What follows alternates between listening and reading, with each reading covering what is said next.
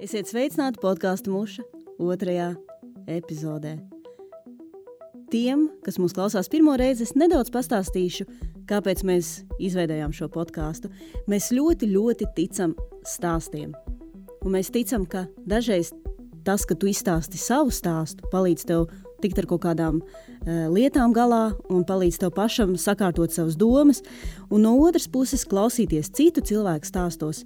Tā ir tāda brīnišķīga pieredze, kas tev ļauj piedzīvot tās lietas, kas ir notikušas ar citiem cilvēkiem, un varbūt saprast arī kaut ko drusciņu vairāk par savu dzīvi. Mūžas stāsti vienmēr ir drosmīgi. Man jūs ir jābrīdina.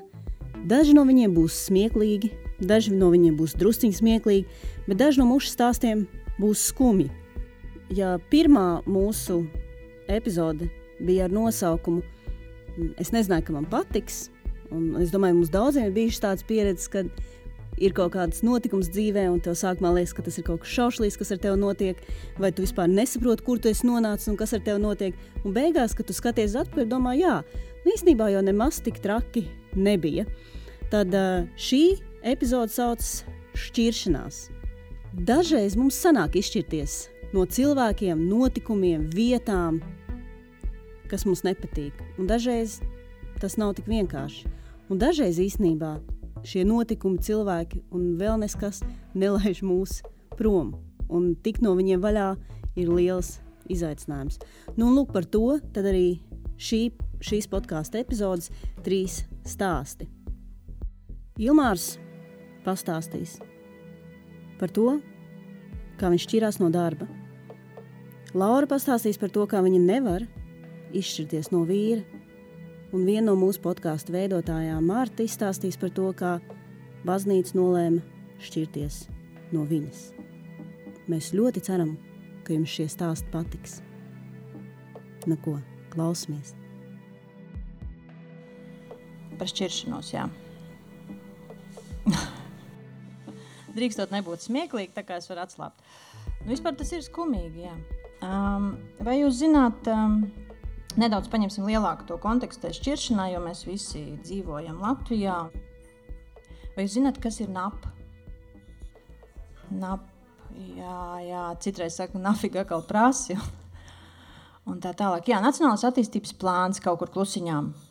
Um, cik, no, no, cik, cik no jums ir viņu lasījuši? Cik no jums ir piedalījušies kaut ko tur rakstīt un darīt? Nav lasījis, bet ir piedalījies. Okay? Arī nav slikti. Arī nav slikti. Uh, nu jā, nu vispār normāls dokuments īstenībā vajadzīgs. Nu, padomājam, uh, visādām mazām lietiņām mēs braucam uz Ikea, nopērkam lampiņu, tur ir instrukcija klāt uz sešām lapām. Nu, valstī arī kaut kāda instrukcija vajag nu, acīm redzot, naps tas ir. Es kādreiz prasīju arī, lai pats ir rokas, kurš, eh, kurš tic, ka šis ir nu, dokuments labākai nākotnē. Es vairs neprasu, neviens nekad neceļ, nu, lai papīri būtu kārtībā. Bet ok, tajā dokumentā sociālajā jomā ir ierakstīts tāds attīstības mērķis nākamajiem septiņiem gadiem - stipras ģimenes paudzēs. Nekur jau ceļ īkšķus, man ir kaut kā norezonē, tā kaut kas zaļā zeme kaut kur atsaucās iekšā. Zemnieks manī pamostās stipras ģimenes paudzēs. Es arī piedalījos kaut kādā izstrādē, kaut kādā daļā, uh, bet es domāju, man varēja paprasīt. Uh, vizuālo vāku uztaisīt tam plānam, šai sadaļai. Man tāda vīzija uzreiz ienāk prātā. Tāds, nu, stipras ģimenes paudzes, jābūt visām paudzēm. Tāds stiprs bēbītis stāv, sarkanā triko, bez melnās jostas gan, bet ar lielvārdu jostu, jo Nacionālais attīstības plāns Latvija. Blakus māma stāv. Stipra tāda noteikti. Var redzēt, ka zīmē visas tautas dziesmas no galvas. Bļoda rokās tāda ar skāputru. Tēcis blakus arī tāds stiprs, ļoti stiprs stāv. No galvā ozola vainags noteikti, rokā baļķis, varbūt zirgs. Māma tur tēti noteikti. Paudzes tad ir arī kaut kur omīte kadrā, arī stipra tāda latviete, nopietna. Nopīts gan nav. Viņš ir miris jau, esam reāli. skatāmies līdzi, visam apīts ir miris, bet blakus ir kaps. Tāds piemineklis muskuļots ar uzrakstu Dusi Saldi, Valdi. Nu, tāds vizuālais vārks varētu būt tīri ok, manuprāt. Nu, lūk, stipras ģimenes paudzēs. Bet uh, labākais jau tas, ka mēs zinām vispār, kas tā ģimene tāda šobrīd ir. Nu, uh, visādi mēģinājumi ir bijuši. Es kādreiz draudzē gāju. Uh, no priekšas aģitēja pēc dievkalpojuma, ejam visi parakstīties. Ejam parakstīties, vajag parakstīties uh, par to, kas ir ģimene. Uh, ģimene tā tad uh, sieviete, vīrietis un bērni. Uh, nu, labi, visi iet parakstīties rindā. Nu, kā jau izklausās labi, nu kāds varbūt tur uh, nu, tiešām fonā nu, nedaudz piedomā pie tā, ka nu, jā, ir cilvēkam nevar būt bērni par tiem, par tām pārējām ģimenēm, pasargties draudzēm. Mēs vispār nerunājam, nē, nē, nē. Nu, ejam parakstīties. Es tagad domāju, nu jāpapēt, no kurienes tā iniciatīvai kājas aug. Nu, baigi kaut kā forsē, katru svētdienu jāiet parakstīties, jāiet parakstīties, viss tāds politisks. Nu, paskatos, no kurienes aug kājas. Kājas tāds īsts pavisam un radikāls Krievijā. Organizācija par ģimeni cīnās. Nu, ejam visi parakstīties draudzes čatiņā toreiz rakstīju, jā, kad. nu, labi, ja es teicu, ka mēs esam āvis un viņam sekojam, bet mēs taču neesam aitas visi. Nu, labi, nenāca man vairs pēc tam ziņas no tā čatiņa, bet tas nekas. Uh, nu jā, bet par to ģimeni, kas ir ģimene? Un īstenībā, nu, te laikam arī sākas beidzot tas mans stāsts. Jo tālu jau nav jāmeklē ģimene, ir arī man, bet tur ir bišķiņa sarežģīta, tāpēc man ir lapiņa ar to ģimeni. Um, jā, es apprecējos pirms 23 gadiem. Kopā mēs nedzīvojam jau trīs gadus. Jūs prasīsiet, kāpēc neesat izšķīrušies? Nu, kā jūs domājat, kas šobrīd visvairāk rūpējas par to, lai cilvēki nešķirās? Jā. Jā, baznīca tā nav. Uh, naps arī tur nu, pagaidām neko vēl nepasaka. Uh, Jā, mums ir kopīgs kredīts uz 15 gadiem vēl. Un, nu jā, kas tur ir ar to kredītu? Kopīpašumā sadalīt nevar. Nu, neļauj banka. Kredītu mēs paņēmām 2008. gadā, attiecīgi arī pārdoto īpašumu mēs šobrīd nevaram. Un, un arī izšķirties mēs nevaram, jo banka negrib, lai viens paliek maksātājs, otrs nē, nu, bet palikt tikai kredītu parādā, tas arī nav īsti interesanti. Nu, tā mēs dzīvojam. Tā pašā Nacionālā attīstības plānā bija tādas idejas no, no organizācijām, kas atbalsta ģimeni, um, ka vajadzētu maksāt pabalstus par kopā nodzīvotiem gadiem. Īstenībā baigi forši. Pa 10 gadiem 1000, pa 20 gadiem 2000, mums drīz 25. Nu, šitā te nodzīvojot 2500, sanāk pusgadu kredītu atdot īstenībā bankai. Nav slikti, bet nu, es nezinu, vai viņi to laikam nepieņēma. Nu, jā, bet tagad par ģimeni skaistums ir detaļās. Mums ir trīs bērni ar vīru. Pirms gada laulībā piedzima vēl viens bērns, kas nav mans. Ceturtais ir skaita mūsu kopā ar vīru, un piektais ir skaita kopā ar mana vīra jaunās sievas pirmo bērnu. Tālāk. Pirms kāda laika bija bēdīgs notikums. Nomira man šī brīža vīra, neoficiālā vīra, tēvs. Uz toreiz uz bērēm, uh, toreiz braucām uz bērēm, un es mašīnā vedu divus viņa bērnus, viņa bērnu māti, kas ir viņa bijusī sieva, un viņas vāti. Ja mana šī brīža vīra, ar ko neesmu oficiāli precējusies, sievas māti. Man ir arī sievas māte. Mūsu jaunizveidotajā paplašinātajā ģimenē ir trīs vīrieši un trīs sievietes. Es, mans vīrs, mana vīra draudzene, mans draugs, mana drauga bijusī sieva un mana drauga bijušās sievas jaunais draugs. Jūs sekojat to līdzi? Tā, jaunākajam no mums sešiem ir nedaudz pāri 30, bet vecākajam drīz būs 47. Un uz šo brīdi mūsu vidū ir divas šķirtas laulības joprojām. Es šo stāstīju jau pirms gada, bija tas pats, nekas nav mainījies. Banka stāv kā, kā klints. Trīs mātes un divi tēvi. Un kopā mums visiem ir septiņi bērni. Lūk, nu, bērnu vecums svērstās no viena gada līdz 23 gadiem. Pagaidām septiņi. Neko neviens nevar zināt. Es domāju, ka nu, šai vietā man liekas, ka es demogrāfisko pienākumu, ne tikai es, bet mēs visi mēs esam izpildījuši pret šo valsti. Uh, un te es gribu laikam saprast, kuru no šīm visām dzirdētajām napu kontekstā mēs varam uzskatīt par to stipro ģimeni paudzēs, kuru aizsargā valsts. Uh, un te es gribu teikt, ka vēl es neaģitēju par šķiršanos. Ja jums sanāk ar mīlestību, cieņpilni. Es esmu par. Dariet to. Man īstenībā žēl, ka man nesanāca. Ļoti žēl. Uh, bet laikam tas, ko es gribu pateikt šīs tās noslēgumā, nu, nevaru es piekrist, ka tie, kam sanāk kopā līdz galam, paudzēs, stipri ar ozolu vainagiem, ka tie tad ir tie, tie, kam izdodas un ko aizsargā valsts, un mēs pārējie, pārējie esam tie nenormālie, kuriem nesanāca. Paldies!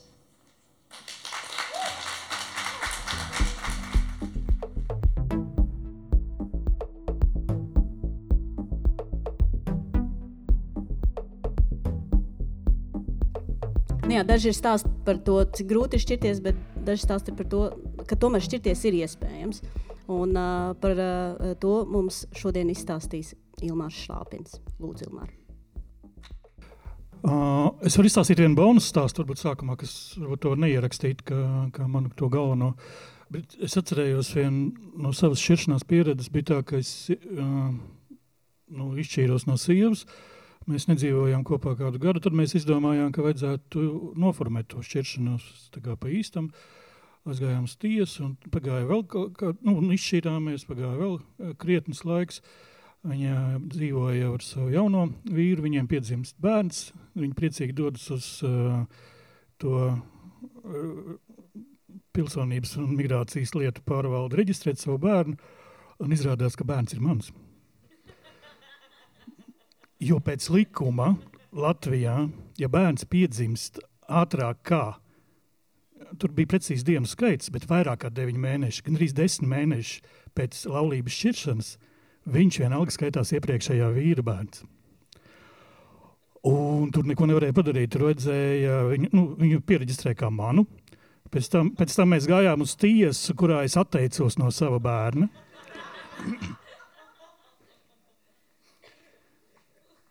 Un, un pēc tam, jā, viņas īstais tēvs viņu adoptēja. Uh, bet šis tāds bonusiņš. Uh, Jo sākumā, kad man teica, pastāst par šķiršanos, es teicu, tur nav nekāda stāsta, ko stāstīt vispār. Es jau biju aizmirsis. Uh, tur nav ne, nevienas anekdotas, nekā smieklīga, nu, nav ko. Bet uh, tad man teica, pastāsti par to, kā tevi atlaida no darba. Būs jautri, viņi teica. es ilgi domāju, nolēmu izstāstīt uh, kādus 4,5 stāstus uh, par savām attiecībām ar dažādām darba vietām un to šķiršanu. Es atceros, tas bija vēl vēlīnajos padomu laikos, biju bērns.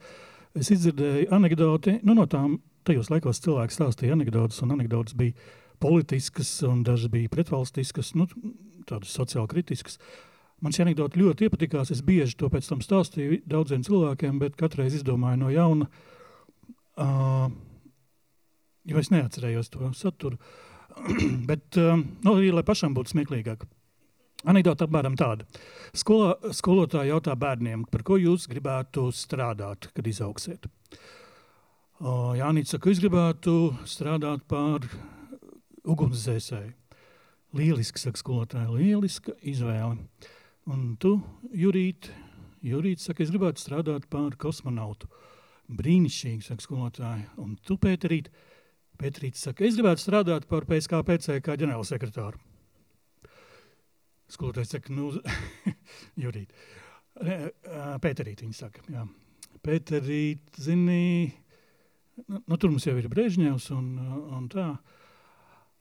Un tas nav īsti tāds darbs, tas ir tāds, nu, iz, izvēlēs kaut ko citu, kaut ko reālāku priekš sevis. Pēterīts saka, nu tad es gribētu būt uh, Latvijas Republikas centra, partijas, komunistiskās partijas centrāla komitejas uh, pirmais sekretārs. Skolotāji saka, nu, tur arī ir grūti, un tas par, un tur mums ir voss, vai kas tur bija to brīdi, pugo. Un, um, izvēlēties kaut ko citu, kaut ko reālāku, un Pēterīts saka, nu, tad, kad vai par rajona partijas pirmo sekretāru, bet strādāt es tik un tā neiešu. Es, um, nu, tā anekdote man iekrita ļoti dziļi sirdī un sapratu, ka strādāt arī negribu. Uh, un atceros, kā nozvērējos kaplēdams bietes vai, vai ko tur redījis, kaut kādus milzu skolas laikā mums pavasarā mums lika to darīt. Uh, arī būs jautri, viņi teica. Pastrādāsim kopā un tā.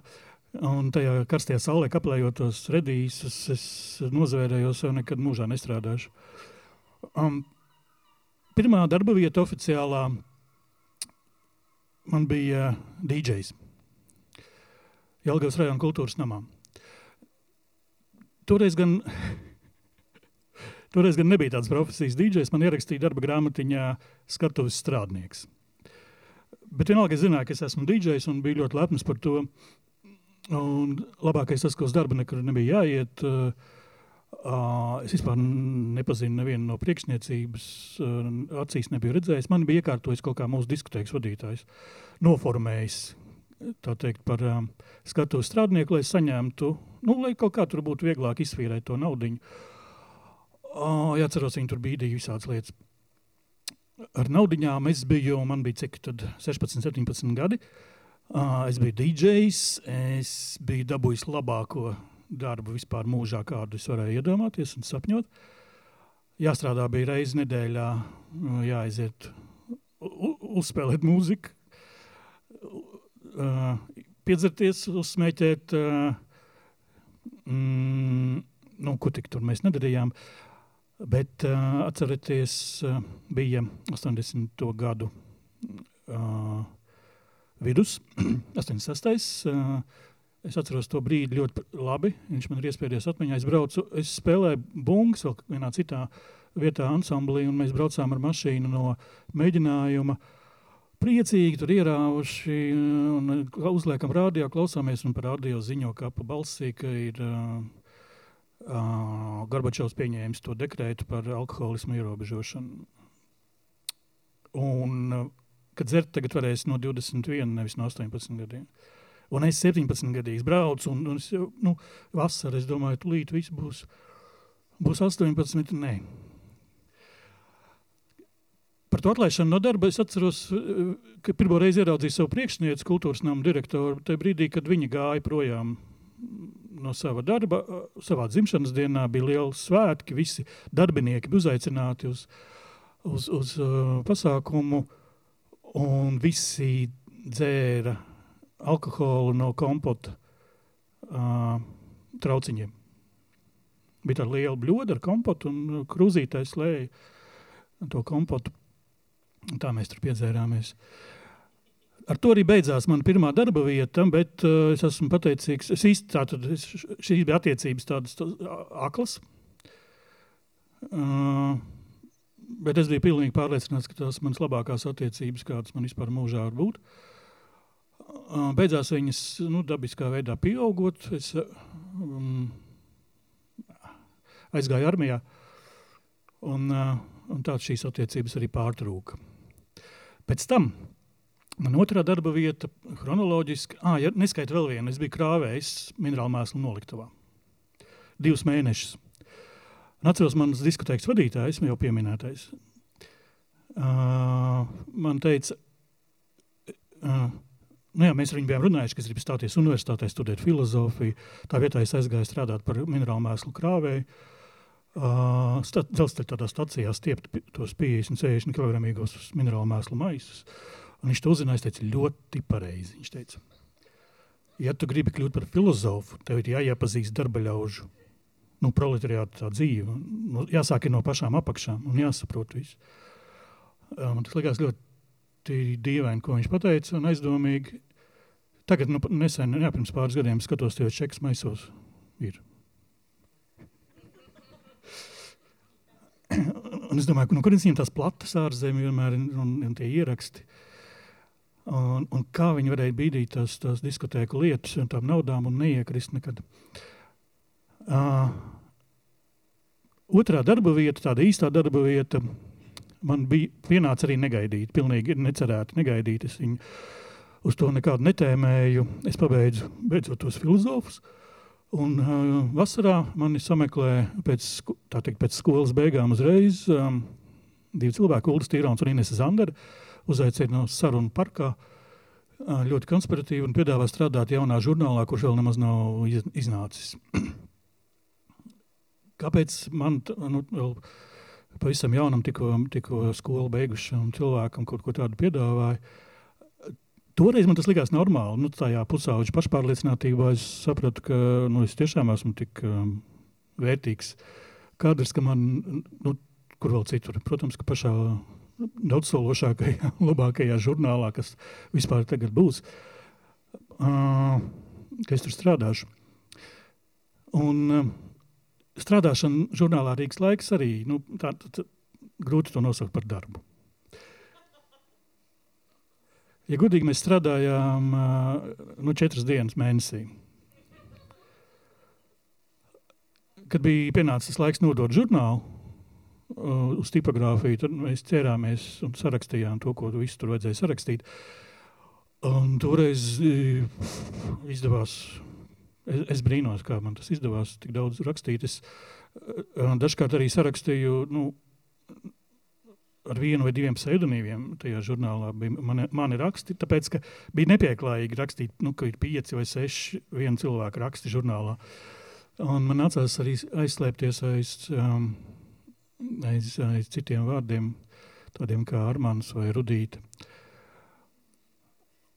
Un uh, visu atlikušo laiku mēs uh, dzērām, runājām, priecājāmies. Uh, uh, dzīve redakcijā bija tāda nu, vesela ģimene. Mums tur uzauga bērni, kas nāca un, un rāpoja pa sienām. Un tur cilvēki jāsatikās, izšķīrās. Ar laiku mēs palikām ar vienu mazāk. Bet tas man īpaši nebiedēja. Man liekas, ka šis var turpināties mūžīgi. Žurnālam arī mainījās nepārtraukti īpašnieki. Nu, kā, ne, nevis nepārtraukti. Toreiz likās, ka tie, tie veseli laikmeti, tur divi gadi, viens īpašnieks, tad trīs gadus cits. Šobrīd, skatoties, nu, tie tādi ātri paskrējuši periodi, žurnāls Rīgas laiks nekad nebija peļņu nesošs, un vienmēr to īpašnieki subsidēja kaut kādā veidā, uh, piemaksājot. Un tajā brīdī, kad viņiem beidzās nauda vai, vai apnika piemaksāt, tad viņi atdeva kādam citam gribētājam. Un, uh, atklāt sakot, īpašnieki kļuva arvien labāk un labāk. Nu, tādā nozīmē, ka viņi aizvien mazāk iejaucās žurnālu dzīvē un darbā. Un vienā brīdī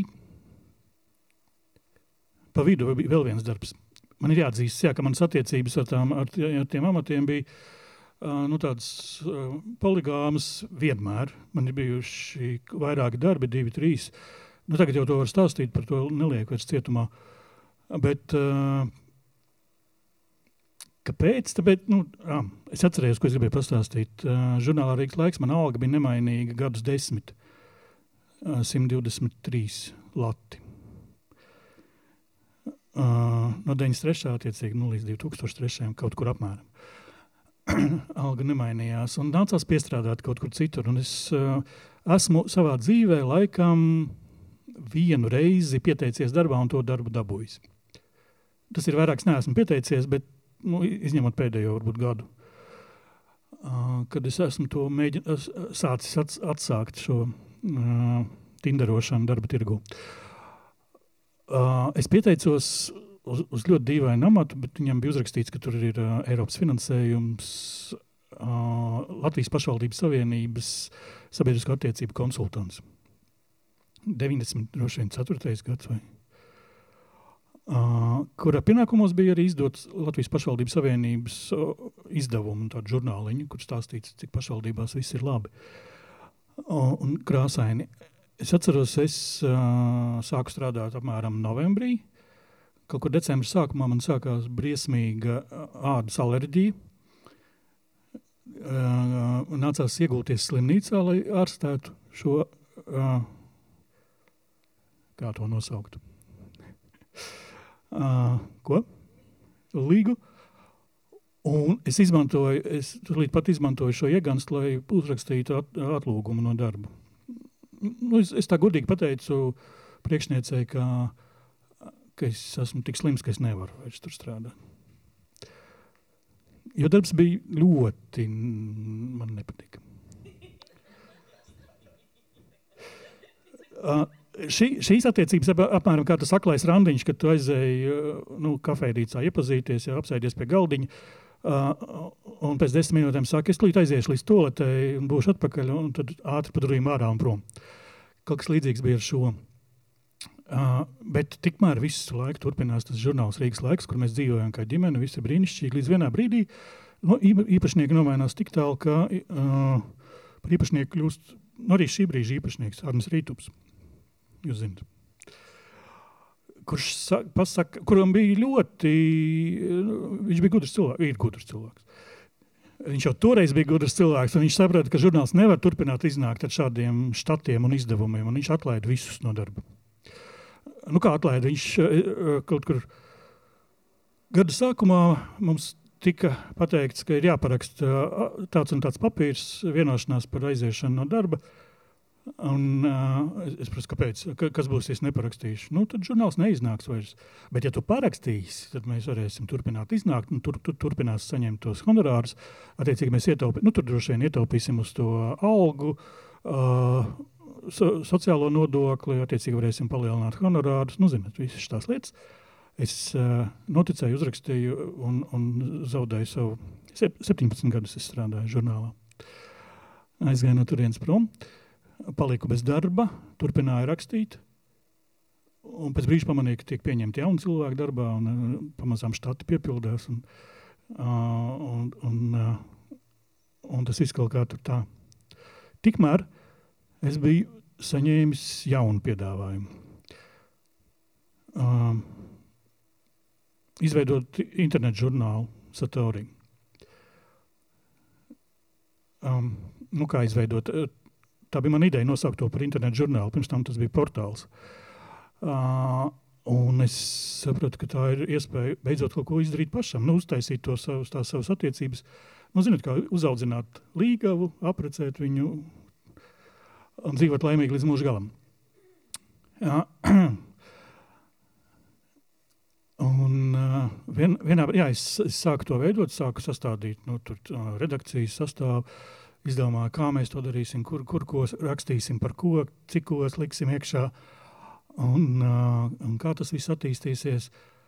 Un man liekas, ka, nu, ja es to pats daru, ja es tur pats esmu to visu izdomājis, es arī varu strādāt tā, kā es pats gribu. Es varu strādāt pa naktīm, es varu no, no rītiem gulēt, es, es varu uh, intervijas nolikt uz sestdienām, svētdienām. Um, man vienmēr ir iebies tas, ka ir jāstrādā no, no 9 līdz 5, un pēc tam piekdienās jāpiedzers. Es, es, es atceros, es speciāli visu mūžu esmu piekdienas vakars, piekdienu vakars pavadījis skaidrā, jo uzskatīju, ka nu, mans, mans tiesības ir piedzerties otrdienas rītā.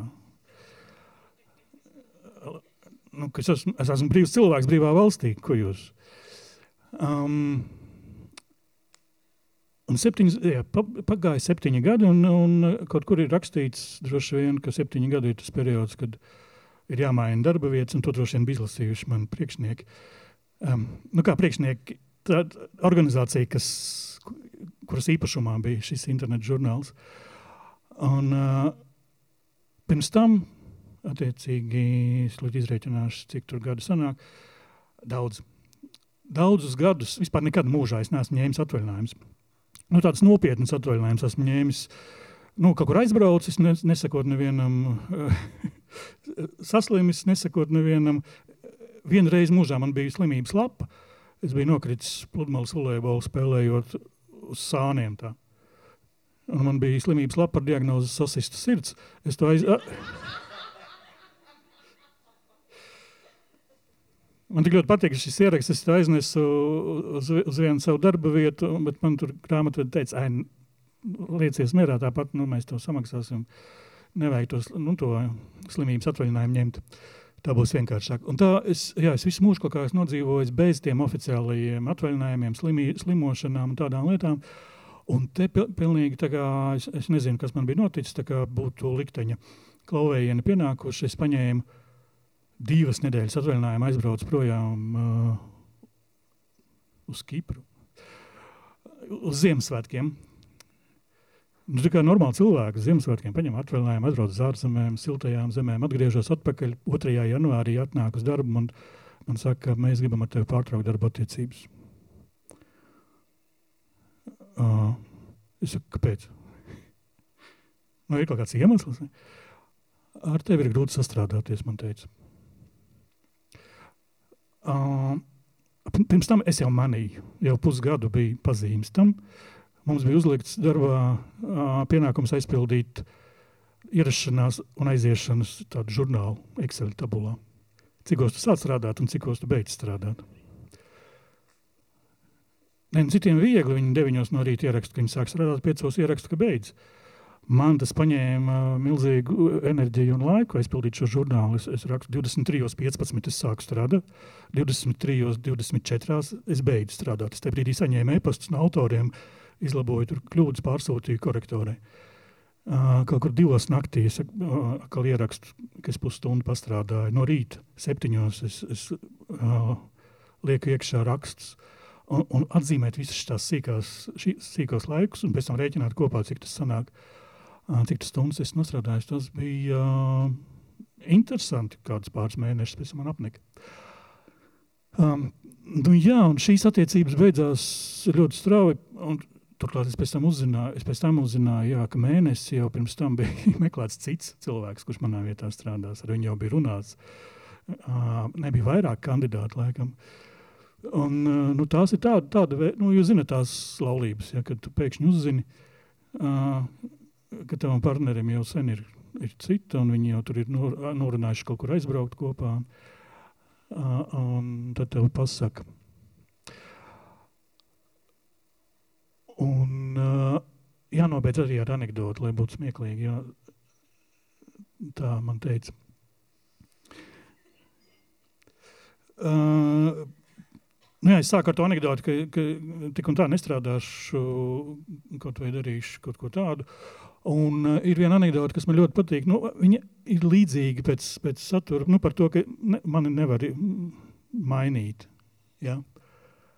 Tā, kāds es esmu, tāds esmu. Tā ir mana mīļākā ebreju anekdote, bet arī padomju. Viņi ir vēl no 20 gadiem. Tā ir reāli 20. gada politiskā anekdote. Uh, Rabinovičs arestē, jo viņš ir ļoti līdzīgs Leņķinam.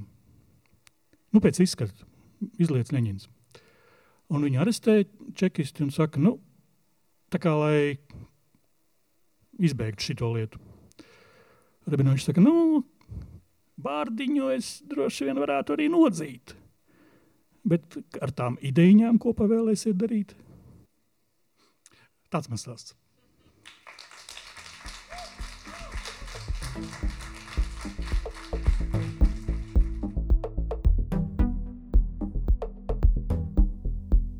Nu, ko, mīļie?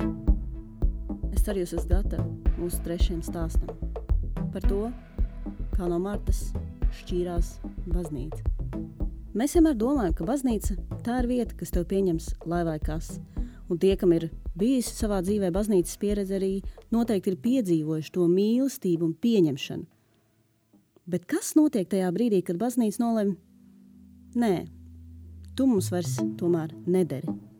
Par to Marts stāsts. Man pirmā sastapšanās ar baznīcu bija laukos, kur pāri ielai bija bija baznīca, ēka, un tajā dzīvoja mācītājs un, un visi viņa bērni. Mēs sadraudzējāmies, un tā bija, un tā bija tāda īsta sirsnīga draudzība, bet tā kā tie bija agrie 90. un viņiem regulāri pienāca humanā palīdzība, es dažreiz tā drusku sāku šaubīties, vai, vai man nodomi bija tik tik šķīsti. Kad mēs ieraudzījāmies, man bija kaut kādi astoņi vai deviņi gadi. Mūsu draudzība katrā ziņā bija ļoti piesātināta. Mēs praktiski visu laiku pavadījām kopā, nebijām mājās. Kā no rīta satikāmies, tā vakarā uh, uz lieveņa sēdējām, čukstējām spoku stāstus un ar lielām mokām šķīrāmies. Grūti bija šķirties gan tāpēc, ka mēs bijām viens otru sabiedrējuši, bet otrs arī tikko bija izbēguši noziedznieki no Jāgavas cietuma. Mums likās, ka viņi, protams, ir atnākuši uz mūsu miestu arī. Viņi daudz runāja par Dievu, un es daudz gribēju par to dzirdēt. Es nezinu, kāpēc. Man vienkārši tas ļoti interesēja. Viņi dāvināja man dažādas bērnu bībelītes un citu kristīgu bērnu literatūru un žurnālus, par kuriem es pat nezināju, ka tādi ir. Mēs kopā skatījāmies grāmatu, grāmatu. Tā bija tāda mūtene, kur bērni ceļo laikā. Un, uh, kopā ar viņiem arī sunītis. Un tad viņi aizceļo uz, uz dažādiem bībeles stāstiem.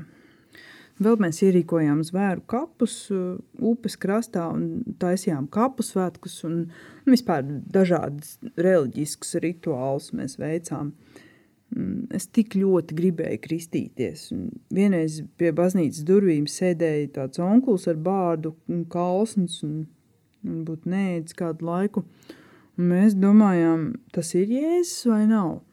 Un ja tas ir Jēzus, tad uh, varbūt viņš var man nokristīt. Nu, viņi bija citādi, un tas man ļoti vilināja. Es, es piedzīvoju bezgalīgu mīlestību un pieķeršanos, un eh, arī jutos, nu, ka viss šis ir Dieva dāvana, arī šī draudzība. Kad vasaras beigās vecāki man atbrauca pakaļ, mēs jau nedēļu iepriekš sākām atvadīties. Sūtījām viens otram atvadu vēstulītes un dāvinājām dāvaniņas, un Ak, mans dievs, cik dramatiski bija mūsu šķiršanās. Mēs ilgi karājāmies viens otram kaklā, kamēr mūs atrāva nost un mūs ar māsu iesēdināja mašīnā. Mēs raudājām visu ceļu. Un ik pa laikam šo raudāšanu pārtraucām ar kādām jautrām baznīcas dziesmām par to, kā līdz žēlstība vai kāds prieks ir pazīt Jēzu. Un maniem vecākiem par lielām šausmām, jo viņi nebija vispār nekādā veidā kristieši, un arī tagad nav. Un tā tas notika gadiem ilgi. Visas manas bērnības vasaras beidzās šādi. Es pēc tam attiecībās meklēju kaut ko līdzīgu. Un, un tie, ko es atradu, vienmēr izrādījās kristieši kaut kā. Ne jau tā, ka es meklēju, nu tā, es neiegāju tāpā un neprasīju, kā, te ir kāds kristietis vai nav. Tas viss kaut kā tā organiski notika. Es vidusskolā sāku iet uz jauniešu vakariem, kur vienmēr bija kāda uzruna, tad slavēšana, tad lūkšana. Parasti mēs sadavāmies rokās, un daži cilvēki lūdza skaļi. Es viņus tā abrīnoju par to. Es jūtu, ka viņiem ir kaut kāda autoritāte un pieeja dievam, un man tās nav. Un es arī ļoti gribēju būt tur, kur es kaut ko zinu par Dievu un ka es varu kaut ko pateikt. Viņiem bija savas bībeles, tādiem sakrāsotiem, pasvītrotiem vārdiem un teikumiem. Man, man vispār patika visi tie vārdi, ko viņi lietoja. Patika dziesmas par žēlstību, par mieru, par pārpasaulīgu mīlestību, kas visu piepilda un visu apklāja. Es gatavojos savām kristībām, un tobrīd es mācījos 11. klasē. Jauniešu vakaros es piedzīvoju tādu mīlumu, labestību un apstiprinājumu, ka es daru pareizo lietu, es gribu iepazīt Dievu, un tas ir vissvarīgākais.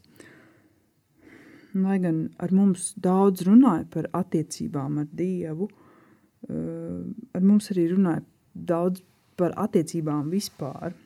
Eh, bet nu, ne tā, kā kādiem cilvēkiem, kādām rakstura īpašībām mums vajadzētu būt, bet vairāk par to, kas ir laulība, ka tā ir svēta, ka to ir jāgaida un par to ir jālūdz. Vēl mums teica, ka nav neviena cilvēka, kas nomirs no tā, ka viņam nav seksa. Es vispār biju ļoti tāds vēlais ziediņš, nu, ļoti vēlais. Tāpēc man tas vispār nekādā veidā nesagādāja problēmas, nebija izaicinoši būt likumīgai. Nu, tā sākās mans lielais lūkšanas ceļš par godīgu vīru godly husband. Ir tāda frāze, ko es nākamos gadus daudz dzirdēju un arī pati atkārtoju bieži. Vēlāk, kad es biju jau universitātē, es nonācu tādā jauniešu organizācijā. Es iepazinu pāris cilvēku, kas turklāt mācījās arī ar mani vienā fakultātē. Viņi bija ļoti jauki. Starp citu, daži no viņiem joprojām ir mani tuvākie draugi pat tagad, kad mēs visi esam apprecējušies un pārstājuši lūgt par dievbijīgiem vīriem un, un sievām. Brālībā, kā mēs to saucām, es, es teiktu, ka bija tādas divas svarīgākās tēmas, par kurām runājām. Pirmā bija attiecības ar Dievu, un otrā bija attiecības. Un šis koncepts man jau bija zināms negulēšana līdz kāzām iezīmējās ar vien skaidrāk un skaidrāk kā tāds vadmotīvs gan izvei visai dzīvei. Un tur, protams, pavīd vairākas problēmas. Ja nu tu neaprecies, ko tad? Tad tu kā pāvils būsi. Ja tu aprecies, ko tālāk? Kas piepilda tavu dzīvi pēc tam, kad šī cīņa ir uzvarēta? Nu, nu, tad tev jācīnās, lai tu negulētu ar kādu citu. Un, un tā bezgalīgi mm, ir skaidrs, ar ko tu drīkst un ar ko tu nedrīkst gulēt. It kā nu, nav cita augstāka mērķa, kā nu, pareizi gulēt. Vienlaikus mums arī stāstīja, ka nevajag uz to pārāk koncentrēties. Jo dzīve jau nav par to, jāmācās ir pateikties par visu, kas tev ir, jāpriecājas, jābauda. Šajā jauniešu organizācijā es biju kā students vairākus gadus, Bet pēc tam mani aicināja vadīt absolventu kalpošanu, un tad es paliku tur vēl uz vairākiem gadiem. Tā kā kopā tie bija um, vairāk nekā desmit gadi. Es kopumā tur jutos ļoti novērtēta, cienīta un mīlēta. Un man prasīja viedokli un uzticēja lietas. Un es ļoti daudz arī darīju, visādas praktiskas lietas. Mani vakari, brīvdienas un pat atvaļinājumi pagāja Bībeles studiju grupās, organizējot visādas nometnes, lūkšanu vakarus, gavēšanas retrītus un runājot ar draugiem un dombiedriem par to, kā izdzīvot savu ticību tā, lai citi arī gribētu piedzīvot Dievu. Nu, es mācīju skaļi lūgt, un arī manā bībelē bija atzīmēti mīļākie panti. Disonance radās vēlāk, kad cilvēki, ar kuriem tu esi laimīgi bijis uz šī aseksualitātes viļņa, sāk kaut kā precēties savā starpā, un tu pamani, ka tas tiek ļoti svinēts. Tu ar precībām tā kā pārvar nākamo līmeni. Nu, tur, kur par tevi un tavu laulību lūdz un pasakās, un tevi pieņem visādos ekskluzīvos pāru klubiņos, un tad tu saproti, nu jā, nu, tas laikam ir tas nākamais līmenis, tas esmu iemācījusies lūgt, un, un tagad man ir jāprecas Tā, no vienas puses tas nav svarīgi, bet kristiešu sabiedrībā, kad kāds iepazīstina ar sevi, tad vienmēr pasaka, cik gadu ir precējies un cik ir bērnu. Nu, tā, nu, tas it kā nav svarīgi, bet tad tu pamani, ka cilvēki no baznīcas tiek izslēgti par to, ka viņi sākuši nopietnas attiecības ar nekristiešiem. Tas it kā nav svarīgi, bet tad tu dzirdi kādā dievkalpojumā, ka pāris, kurš grasās precēties, veids publisku grēku nožēlu, un lūdzu atdošanu draudzē par to, ka ir pārgulējuši vēl pirms kāzām. Nu, nu tā, tas it kā nav svarīgi, bet tu redzi, ka cilvēki, kas šķīrušies, pamazām no kopienas pazūd. Man, man bija tāds periods dzīvē, kad es ļoti, ļoti gribēju apprecēties. Es lūdzu par to dienām un naktīm bez mitas, kā Bībelē rakstīts. Es teicu citiem, ka man tas ir svarīgi, un mēs kopā lūdzām par to, lai Dievs man sargā lai es nekrītu kārdināšanā, lai es gaidu to dievbijīgo vīru, lai es nesteidzos, lai es uzticos. Un es uzticējos. Pēc kādiem pieciem gadiem ļoti intensīvas lūkšanās es teicu Dievam, ka man reāli šis ir apnicis, lai, lai viņš dod man vīru tūlīt pat. Mm. Lai es varu beidzot justies kā normāls cilvēks. Un es sapratu, ka visas sievietes, kas ir smukas, un visi vīrieši, kas nav smuki, bet ir vīrieši, baznīcā jau ir aprecējušies. Un tad kādā brīdī izrādījās, ka visu šo laiku es esmu lūgusi nepareizo lietu. Es lūdzu vīru, bet Dievs man iedeva sievu. nu, pieņemsim, ka Dievs dažreiz labāk zina to, kas tev ir vajadzīgs. Nu, protams, ka es zināju, kā tas izskatās un kā tas izskatās no kristiešu skatu punkta. Tas izskatās pēc klasiska sātana gājiena. Līdz ko man ticība ir sašķobījusies, līdz ko es sāku apšaubīt kaut kādas lietas, tā sātans ir klāts un ieved mani kārdināšanā. Neskatoties uz to, ko es biju redzējis un kur es biju piedalījusies, man likās, ka tagad, kad man ir sieva, ar kuru mums ir brīnišķīgas attiecības, mēs vienkārši ņemsim un parādīsim, kāda ir mūsu mīlestība, un mēs izmainīsim baznīcu no iekšienes. Tiem, kam nav tādas draudzes pieredzes, tā ir brīnišķīga vide, ja tu esi iekšā. Tev tur ir tuvs attiecības ar daudziem cilvēkiem, kas zina tavs dvēseles nostūrus. Tu ej uz Bībeles studiju grupu, tev ir mentors un citi garīgi atbalstītāji. Un tas ir brīnišķīgi. Tev ir vienkārši non-stop pieeja uh, psihoterapijai. Nu, cits jautājums, protams, ir, cik viņi ir kvalificēti, un izglītoti un apmācīti dot padomus. Un tad, kad tu to baudi, tad tā ir tā, tā kā dāvana. Bet līdz ko tu kļūdies, viņi ir tiesīgi aicināt tevi uz sarunu un pateikt, ko viņi par to domā. Lai gan nav gluži tā, ka es visiem jautāju, ko viņi par to domā. Bet bija ļoti daudz cilvēku, kuri uzskatīja par savu pienākumu un kā tādu augstāko mīlestību, ko viņi var man parādīt, ir pateikt, ka tas ir grēks. Es, es daudz ko vairs neatceros, godīgi sakot, no tā perioda, kāda bija nākamie mēneši. Es atceros tikai to, cik ļoti izmisīgi es gribēju saglabāt visas attiecības. Gribēju visiem pierādīt, ka ar mani viss ir kārtībā un ka manas attiecības ar sievu ir brīnišķīgas. Es atceros, ka es gribēju diskutēt par to, ka Dievs taču ir mīlestība, ka viņam taču mūsu kājstarps nav tik svarīgas. Un izrādās, ka ir. Es atceros bezgalīgas sarunas ar draugiem un paziņām un kristīgajiem būlijiem par to, cik ļoti nepareizs ir mans izvēles un ka Dievs to nekādā veidā nevar atbalstīt. Un tas man sāpināja. Tas, tas kritiens bija ļoti zems. Es zaudēju lielu daļu savu draugu. Tā bija tāda draudzība, kā manā bērnībā. Mēs bijām pazīstami ļoti ilgi. Mēs daudz ko viens par otru zinājām ir bijuši brīži, kad es burtiski dzīvoju pie saviem draugiem. Es esmu daļa no viņu ģimenes. Un tad es vairs neesmu tieši tik vienkārši. Protams, ne visi draugi tā rīkojās, bet arī tiem, kas saglabāja ar mani draudzību, viņiem bija jāskaidro citiem, kāpēc viņi turpina ar mani draudzēties kāpēc viņi mani un manu sievu un manus bērnus aicina ciemos. Es turpināju iet uz baznīcu gadiem.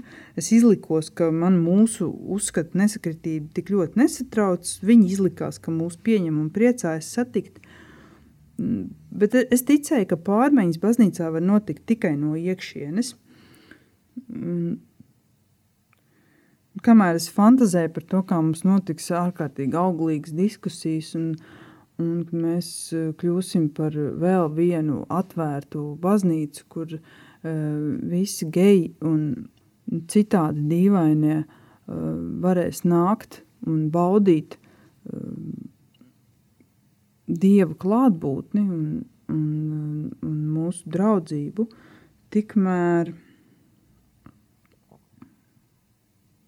klusi un nemanāmi mani izslēdz no visādām vadītāju grupām un kalpošanām. Ne jau tā, nu, ka tā viss mēs tevi izslēdzam. Nu, nē, tas būtu nekristīgi. Man vienkārši nekur vairs neaicināja. Nu, varbūt izņemot to vienu dziedināšanas retrītu, uz kuras iepriekš arī bija pieteikusies, bet man neņēma.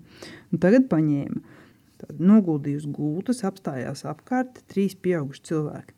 Skatījās cieši acīs, un tie bija šveicieši, es viņus nepazinu. Un viņi teica, ka mautī vēl spirīt. Un mana draudze um, bija iesaistījušies bērnu namu kalpošanā. Mēs tikko bijām dabūjuši viesģimenes statusu, un es teicu, nu, ka es arī gribētu tur iesaistīties. Un man draudzene, kas bija arī mācītāja sieva, paskatījās uz mani un teica, nu, tā kā bišķiņa jau pat nu, tāda dusmīga. Viņa teica, zini, daudziem no kalpošanas grupas tas nebūtu ok. Un, nu, kā es, kā es, nu, kā, vai tiešām es joprojām neesmu sapratusi? Tikai tad, pēc kādiem trim vai četriem gadiem kārpoties atpakaļ, es sapratu, ka šis ir beidzies, un mēs no baznīcas šķiramies. Ir dažas lietas, ko es vairs nevaru darīt, skaļi lūgt un dziedāt.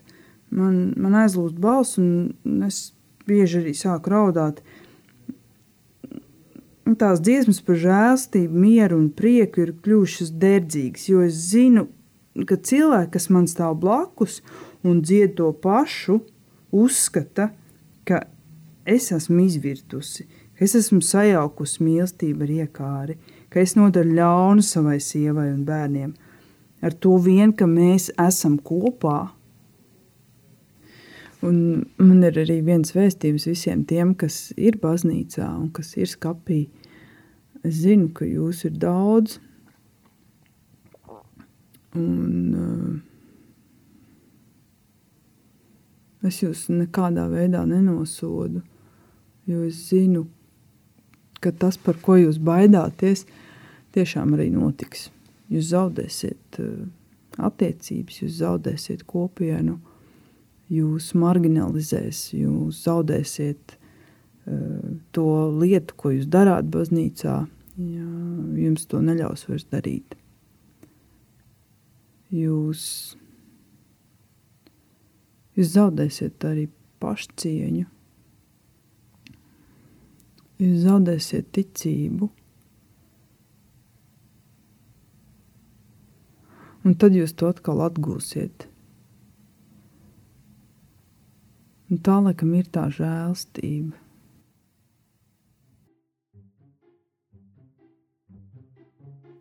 Paldies, ka noklausījies mūsu podkāstu otro epizodi. Mēs ļoti, ļoti ceram, ka tev tā patika. Mēs arī ļoti ceram, ka varbūt tavā prātā ir kāds stāsts, ko tu gribētu izstāstīt. Mēs tiešām meklējam un iedrošinam cilvēku stāstīt par ļoti dažādām savas dzīves pieredzēm, un mēs gribam dzirdēt arī jūsu stāstus. Jūs tos varat pilnīgi droši sūtīt mums uz mūsu e-pastu, kas ir podkāsts muša at gmail.com. Jūs varat to sūtīt mums Instagram, jūs varat to sūtīt arī Facebook. Šo podkāstu veidoju es, Džēma Sudraba, Mārta Herca, Agata Mežula, Alisa Krauja, Kerija Broka un Monta Kaiva. Paldies jums liels, ka klausījāties un uz tikšanos nākamajā reizē. Bzz, bzz, bzz, bzz.